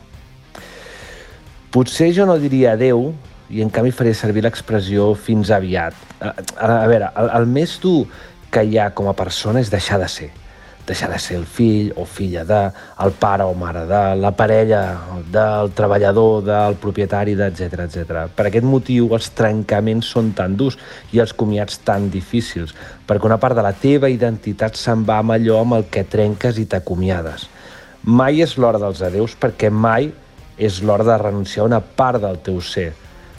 Però, per tant, jo crec que no diguis adeu, reinventa't i acomiada damunt eh, fins ara o fins aviat. Mm -hmm. Ara sortiré un moment del guió, perquè m'ha vingut una, una pregunta que et vull fer també, eh, Guillem. Um, hi ha molta diferència entre córrer per la muntanya i, i altres esports, com podria ser el ciclisme. Ja no parlo de futbol, que pengen les botes, però el ciclisme també, a nivell professional, pengen la bicicleta, per exemple, també.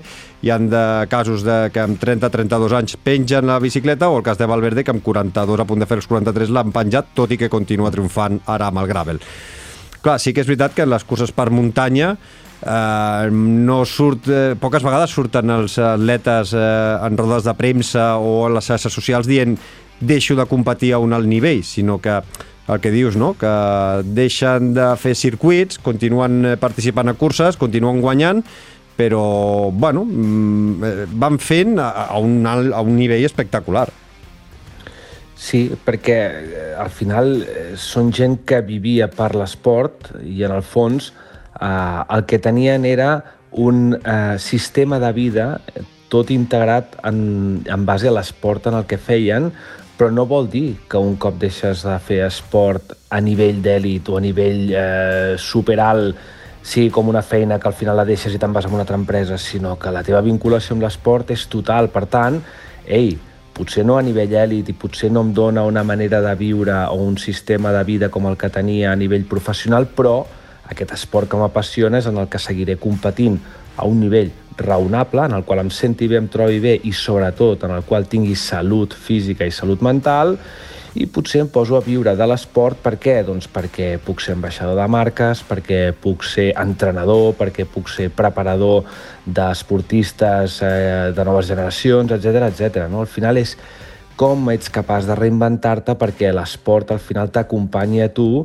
i no eh, que continuïs sent tu el, el producte de l'esport, que al final això és el que se t'acaba doncs, per edat, per eh, forma física, per lesions, etc etc. Molt interessant eh, i per això també fa diferent eh, les coses per muntanya a la resta d'esports. De, Guillem Marchal, no et diré adeu, sinó fins d'aquí a 15 dies. Un plaer, com sempre. Cuida't molt, una abraçada ben, ben gran i, com sempre, gràcies per la gran feina que fas, tant aquí en el directe fent el podcast com tota la feina que fas eh, sempre portant xarxes socials. Cuida't! Un plaer, moltes gràcies i salut! Envia'ns les teves opinions a través de Twitter, Instagram o del correu electrònic femmuntanya arroba femmuntanya.cat. Arribem al final i espero que us hagi agradat aquest capítol 89. Si és així, no oblideu de subscriure's a qualsevol plataforma de podcast, activeu les notificacions per rebre'n una cada vegada que publiquem un nou capítol i valoreu-nos positivament. I si compartiu el capítol a les vostres xarxes socials, us estarem eternament agraïts.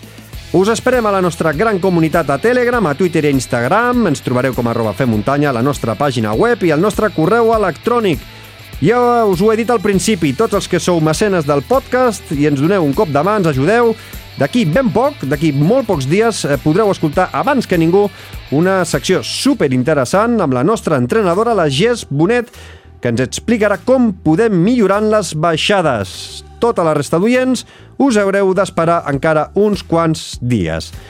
I com sempre acabaré agraint la feina de tot l'equip que ha fet possible aquest capítol 89, el gran Guillem Marchal, el Marc Cornet i avui com a guest start el Marc Uller Bernades.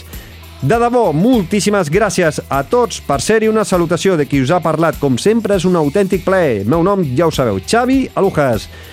El Fem Muntanya regular torna d'aquí a dues setmanes amb més converses interessants. I recordeu que com totes les setmanes eh, us eh, portem un nou capítol d'actualitat amb l'Albert eh, Torrent i el Robert Mercè. Fins llavors, gaudiu i sigueu molt feliços amb salut, seny i muntanya.